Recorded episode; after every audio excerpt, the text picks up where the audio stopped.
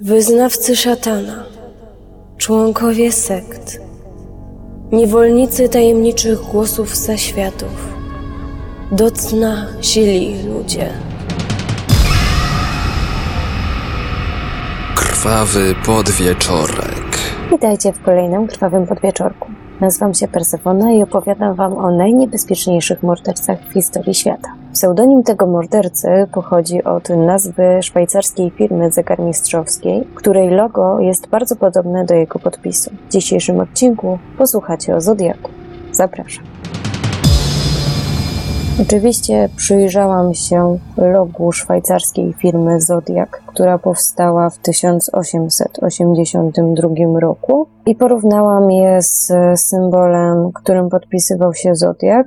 Mm, Faktycznie można tutaj odnaleźć podobieństwo, jednak ja bym bardziej skłaniała się ku temu, że w przypadku firmy zegarmistrzowskiej mamy do czynienia z literą O i krzyżem w środku, natomiast symbol Zodiaka bardziej przypomina mi krzyż celtycki, no ale skoro jemu spodobała się taka, taka, taka y, ksywa Zodiak i ją przybrał, no to co ja mam tutaj do powiedzenia? Zodiakowi udowodniono pięć morderstw i dwa ciężkie ranienia, jednak on sam przyznawał się do zamordowania 37 osób. Przenosimy się w okolice San Francisco. Jest 20 grudnia 1968 rok. Para licealistów e, pochodzących z miejscowości Benicia, David lat 17 i Betty Lou lat 16, idzie na sekretną pierwszą randkę, ale tak naprawdę mówią właśnie rodzicom, że idą na bożonarodzeniowy koncert e, w Hogan High, które znajduje się niedaleko domu dziewczyny. No i właśnie tak jak powiedziałam, tak naprawdę udali się na sekretną randkę, żeby pobyć sobie sam na sam. Ale najpierw odwiedzili kolegę, potem odwiedzili restaurację i na końcu zaparkowali na popularnej randkowej uliczce, która nazywała się Lake Herman Road. Około godziny 11 obok ich auta zaparkował samochód marki Chevrolet. Z samochodu wysiadł mężczyzna, który z broni kaliber 22, która była prawdopodobnie pistoletem, przestrzelił parze tylnie koło. Była to lewa tylnia opona, natomiast na końcu strzelił w głowę chłopaka. Dziewczynie w tym czasie e, udało się opuścić samochód, ale niestety odbiegła tylko 3 metry i została pięciokrotnie postrzelona w plecy. Mordercy nie ujęto, mimo wyznaczonej nagrody za pomoc e, w jego złapaniu. Po około 6 miesiącach e, ponownie następuje atak. Znowu są to okolice miasta Benicia. Jest 5 lipca 1969 rok, późny wieczór. 20-letnia dziewczyna imieniem Darlene Perrin zabiera samochodem 19-letniego Michaela. Jadą spod jego domu i około godziny 12 w nocy Darlene parkuje w odludnej uliczce Blue Rock Springs Road. Darlene, jak potem utrzymywał Mike, który przeżył atak Zodiaka, chciała z nim tam porozmawiać. Po kilku minutach, e, kiedy rozmawiali, obok ich samochodu zaparkował drugi samochód. Kierowca, który zatrzymał się obok ich samochodu, zgasił swoje światła i zaczął im się przyglądać. W pewnym momencie Mike'owi wydało się to dziwne i zapytał Darlene, czy zna tego faceta, który siedzi w samochodzie obok, ale ona powiedziała nieważne. Później Mike sugerował policji, że być może ona znała sprawcę tego zdarzenia, tego morderstwa i Miało się to też wiązać z tym, że część jej znajomych uważała, że ona była śledzona przez parę miesięcy, ale jakby policja nie pociągnęła tego wątku i tak naprawdę nie wiadomo, czy to była prawda. Mike, jak później twierdził, chciał się dowiedzieć o co chodzi Darlene z tym, że powiedziała nieważne, ale nie zdążył zadać jej tego pytania, bo nagle ten sąsiedni samochód odjechał i ponownie powrócił po pięciu minutach, tylko że tym razem stanął za nimi. Zostawił włączone światła i kierowca wysiadł, e, świecąc im latarką po oczach. Mike później przyznawał, że on myślał, że to jest jakiś policjant, który chce ich wylegitymować, i schylił się, czy tam obrócił, żeby wyciągnąć dokumenty. Pierwsze kule wystrzelone z broni kaliber 9 mm trafiły Majka w twarz i pierś, przeszły przez jego ciało na wylot i raniły Darlene. Mike oberwał też kulkę w lewe kolano, natomiast Darlene otrzymała strzały w oba ramiona i w plecy, ponieważ chciała się odwrócić, czy też chciała się przedostać na tylne siedzenia. Mężczyzna ruszył do auta, po tym jak strzelił do nastolatków, ale usłyszał jęki Majka i powrócił do, do ich wozu. Oddał jeszcze po strzale do każdej z ofiar. Tak jak wspomniałam wcześniej, Mike przeżył atak i był na tyle świadomy w momencie, kiedy e, przyjechała policja, że mógł podać jakieś wstępne dane na temat tego, jak wyglądał oprawca. Ważne jest tutaj też to, że chłopakowi udało się włączyć światła awaryjne, otworzyć drzwi samochodu i wypaść z niego na ulicę, co spowodowało, że e, był widoczny i szybko zatrzymało się przy nich y, przejeżdżające auto, którego pasażerowie mogli udzielić jakiejś tam pierwszej pomocy i wezwać pomoc. Rozsopis, który podał Michael, mówił o tym, że agresorem był biały mężczyzna około 170 cm wzrostu, bardzo ciężkiej, masywnej budowy, ale nie był tłusty Miał szeroką twarz i też miał okulary i nie była to jakaś taka brutalna uroda, tylko raczej taka powiedzmy niepozorna. Mimo tego, że policja dość szybko przyjechała na miejsce zbrodni, Darlene nie udało się uratować i zmarła około 12.38 w nocy. Jakieś dwie minuty po jej śmierci, bo już o 12.40 w nocy, nieznany mężczyzna zadzwonił z budki telefonicznej na posterunek policji w Vallejo. Kobieta która odebrała ten telefon, dyspozytorka, usłyszała beznamiętny głos, który oznajmił, że zastrzelił dwoje dzieciaków z pistoletu kaliber 9 mm oraz przyznał się też do zabicia dwóch wcześniejszych osób. Mówił tak, jakby czytał lub też wyuczył się tego tekstu, który mówił na pamięć. I kiedy dyspozytorka próbowała go o coś zapytać, coś z niego wyciągnąć, kim on jest, dlaczego dzwoni i tak dalej, mężczyzna zaczynał mówić coraz głośniej, tak żeby ją zagłuszyć. Nadszedł dzień 31 lipca 1969 roku. Trzy gazety odbierają praktycznie identyczne listy, w których autor przyznaje się do zastrzelenia nastolatków. Były to takie gazety jak Examiner, Chronicle i były to gazety z San Francisco i Times Herald z Vallejo. Każdy z listów zawierał szczegółowy opis zbrodni oraz jedną trzecią zaszyfrowanej wiadomości. Te wiadomości do kupy zebrane, czyli trzy, miały pokazać się na stronie każdej z tych gazet, a jeśli nie, będą kolejne mordy. Każdy z listów podpisany był właśnie tym okręgiem z plusem w środku. W liście do Chronicle dodatkowo autor napisał, że ten szyfr zawiera jego tożsamość. E, całość tego listu została odczytana przez nauczyciela oraz jego żonę i tak naprawdę wcale nie było tam ukrytej tożsamości mordercy. List natomiast e, zawierał wytłumaczenie, dlaczego zabija. 4 sierpnia egzaminer z San Francisco, gazeta, nie człowiek, który sprawdza egzaminy, odbiera kolejny list o treści, y, która przeszła do historii, jeżeli chodzi o Zodiaka. This is the Zodiac speaking. Tu mówi Zodiak, był to pierwszy list, gdzie użyto tego pseudonimu i od tej pory praktycznie wszystkie listy tego mordercy, które kierował czy to do policji, czy to do gazet, właśnie zawierały w początku treści te słowa. Warto też wspomnieć, że dzień po podaniu do wiadomości publicznej rozwiązania szyfru z 31 lipca, policja z Vallejo dostała anonim z kluczem do szyfrogramu. I był to jedyny taki przypadek, jeżeli chodzi o listy Zodiaka, ponieważ większość z nich do tej pory nie jest rozwiązana. 27 września 1969 roku para studentów, Cecilia i Brian, urządzili sobie piknik nad jeziorem. Co ciekawe, nad tym jeziorem ludzie, którzy wcześniej spędzali czas, zgłaszali policji, że byli obserwowani przez jakiegoś mężczyznę.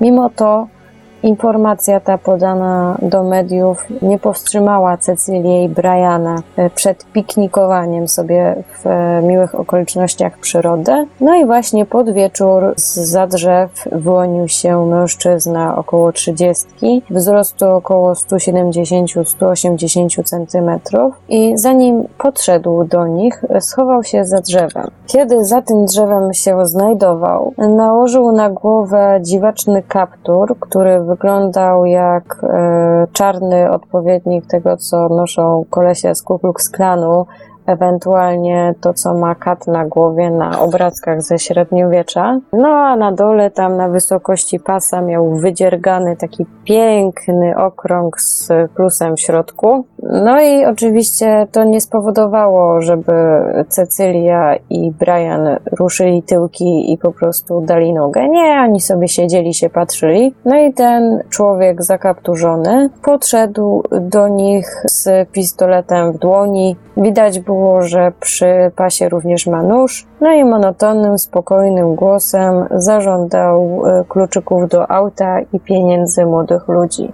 Młodzi ludzie oczywiście wykonali to, co e, mężczyzna od nich żądał, po czym on włożył kasę do kieszeni, kluczyki rzucił na koc, pistolet schował do kabury, a Brian próbował go zagadywać. Mężczyzna wyznał im, że jest uciekinierem z więzienia, że zabił strażnika i jeździ kradzionym samochodem. No i w pewnym momencie mężczyzna kazał Cecylii związać Briana liną, którą miał przymocowaną do pasa, a kiedy y, młodzi zaczęli protestować, zaczął na nich krzyczeć. Kobieta wykonała niesamowity gest odwagi i rzuciła w niego portfelem. Kto wie, czy chciała, żeby portfel go zabił, czy też zranił, ale jednak związała Briana i sama również została skrępowana. Ponieważ mężczyzna uznał, że zrobiła to za lekko, zaczął poprawiać węzły na Brianie i wtedy też Brian zauważył, że ręce mężczyzny zaczynają drżeć, staje się coraz bardziej nerwowy i w tym momencie właśnie mężczyzna powiedział: Będę musiał was zadźgać, ludzie. Tutaj nasz Brian wykonał bardzo heroiczny gest, to znaczy poprosił mordercę, żeby mógł być pierwszą ofiarą, ponieważ nie chciał patrzeć na cierpienia Cecylii, nasz drogi egoista. No i oczywiście oprawca zgodził się, bo dobry był z niego człowiek. Miękkie serce miał. Wyciągnął y, nóż czy też y, bagnet o długości ostrza około 30 cm i zadał 6 ciosów Brianowi i około 10 y, Cecylii. Następnie na samochodzie młodzieży wypisał na drzwiach daty poprzednich ataków i swoje słynne logo. Po dokonaniu zbrodni oraz wykonaniu napisów, Zodiak postanowił pochwalić się swoimi czynami i zadzwonił na policję. Policji udało się ustalić, z jakiej budki telefonicznej dzwonił, i kiedy udali się na miejsce, Okazało się, że na słuchawce znajduje się odcisk palca. No i oczywiście ten odcisk palca udało się zamazać technikowi policyjnemu, czyli nie pobrano go w końcu. Odnaleziono też odcisk buta wojskowego, co sugerowało, że Zodiak mógł mieć jakieś powiązania z wojskiem, ponieważ ten model buta był właśnie przeznaczony tylko i wyłącznie dla armii. Jednak czy tak było w rzeczywistości, do dziś dnia nie wiemy. Brianowi udało się przeżyć atak Zodiaka, jednak Cecylia zmarła zanim pomoc dotarła na miejsce. 11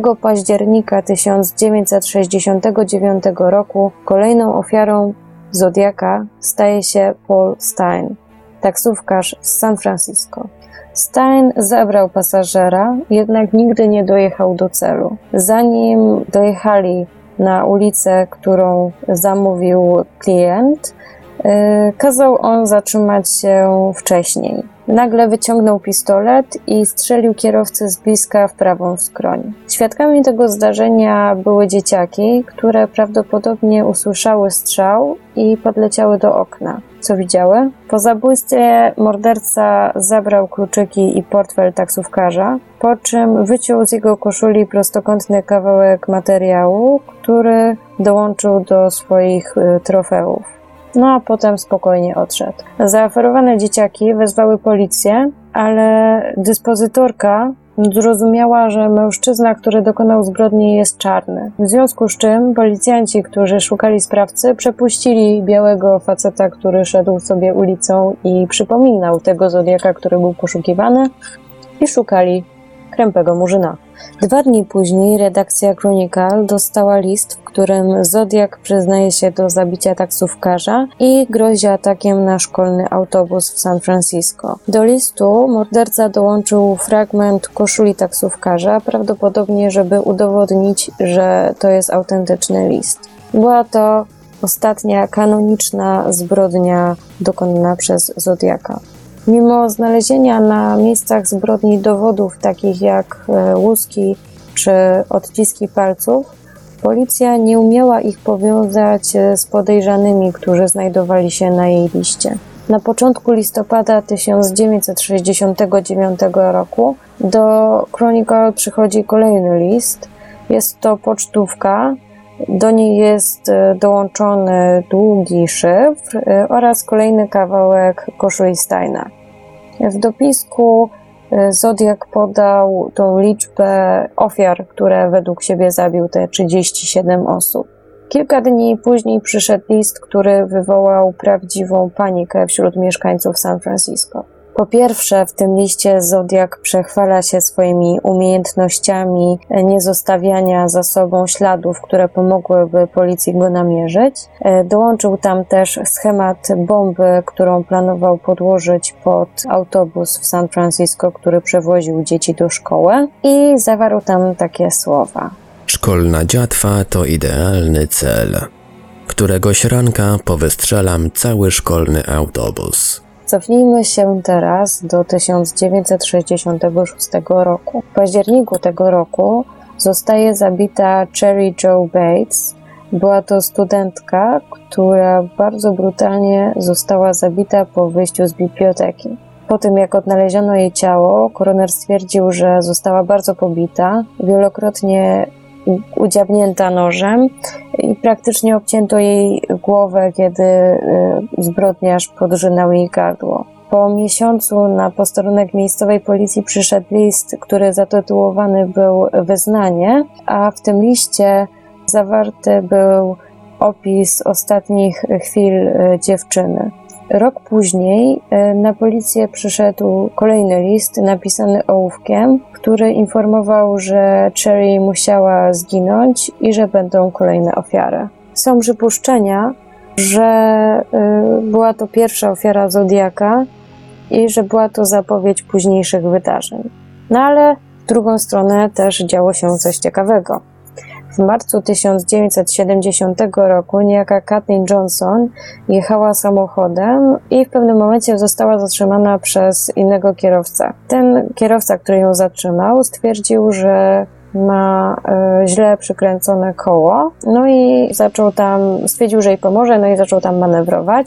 Kiedy ruszyła, stwierdziła, że coś jest z niej tak i że kompletnie ma już teraz w ogóle, że sama czuje, że ma poluzowane to koło. Kobieta się zatrzymała i ten drugi kierowca również się zatrzymał, no i stwierdził, że ją podwiezie. No i ona jechała z córeczką i wsiadła z, z tą córeczką do tego jego samochodu, no i po pewnej chwili stwierdziła, że coś tutaj jest nie tak i wyskoczyła z tego samochodu jadącego. Tylko, że nie bardzo rozumiem, czy ona wyskoczyła sama, czy z tym dzieckiem. W każdym razie ona uważała, że ten mężczyzna, który zabrał ją samochodem, to na pewno był Zodiak, ale z drugiej strony w późniejszym okresie coraz bardziej ubarwiała tą historię. Za każdym razem, jak ją opowiadała, to to było już coś nowego i finalnie uznano, że to po prostu jest ściema na resorach. Szczerze mówiąc, jeśli to miał być już jakiś morderca, to ja bym bardziej obstawiała Teda Bandiego, chociaż pierwsze morderstwo, któremu udowodniono, miało miejsce dopiero w 1974 roku.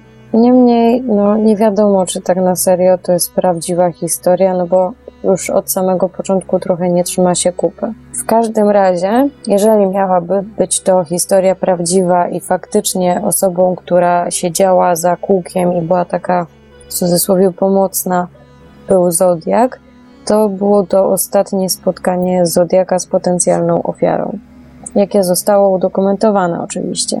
W kwietniu 1970 roku e, Zodiak wysyła kolejny list i powraca w nim do swoich bombowych planów, a złamanie kodu zawartego w tym liście miało ujawnić miejsce ukrycia bomby, którą skonstruował do wiadomego wysadzenia. W lipcu 1970 roku przyszedł list, w którym Zodiak miał ubolewać nad tym, że Kathleen Johnson mu uciekła i że bardzo go to martwi, że ludzie nie noszą znaczków z jego symbolem. Czy był to prawdziwy list, czy wysłała go pani Kathleen, nie wiadomo.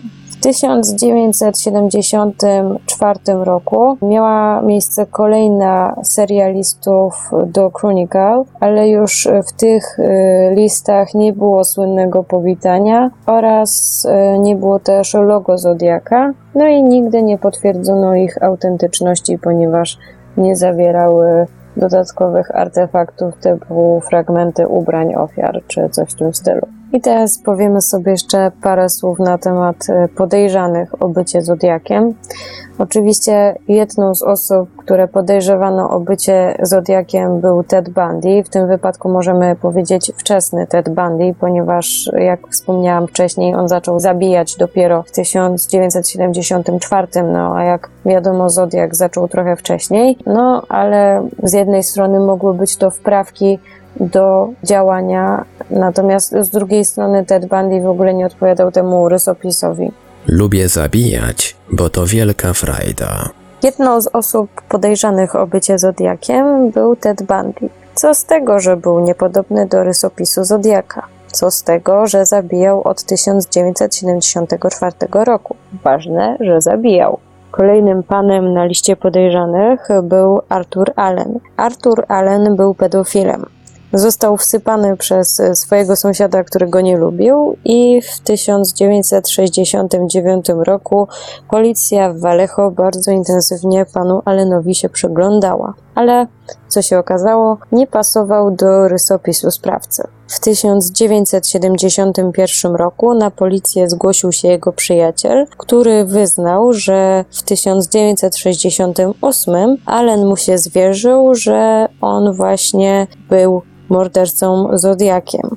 Allen miał zainspirować się książką The Most Dangerous Game y, oraz ideą polowania na ludzi. Y, wyznał, że miał zamiar przyczepić latarkę do lufy, żeby zabijać w nocy.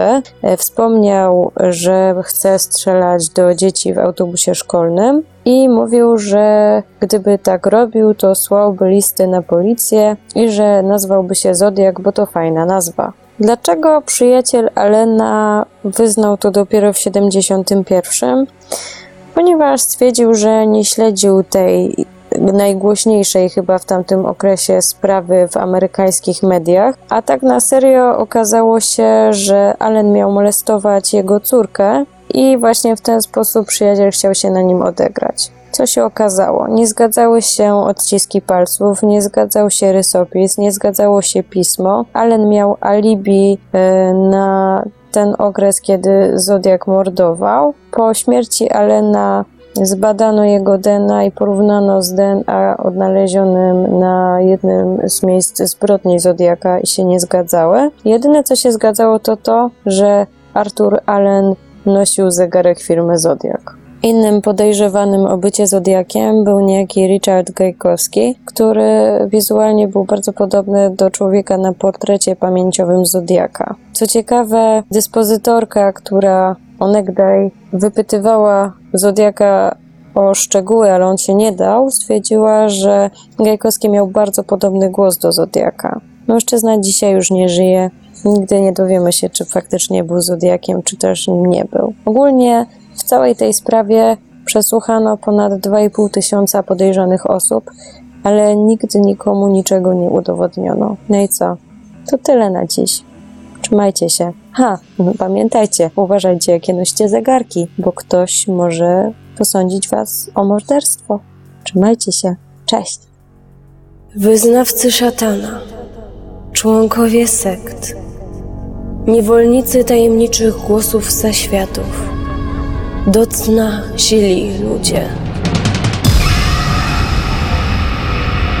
Krwawy podwieczorek. Jeśli chcesz o coś zapytać, skontaktuj się ze mną na forum Radia Paranormalium pod adresem paranormalium.pl.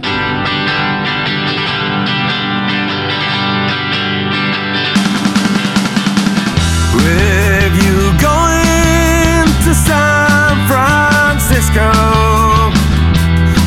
killed to wear some flowers in your hair. If you going to San Francisco, you're gonna meet some gentle people there.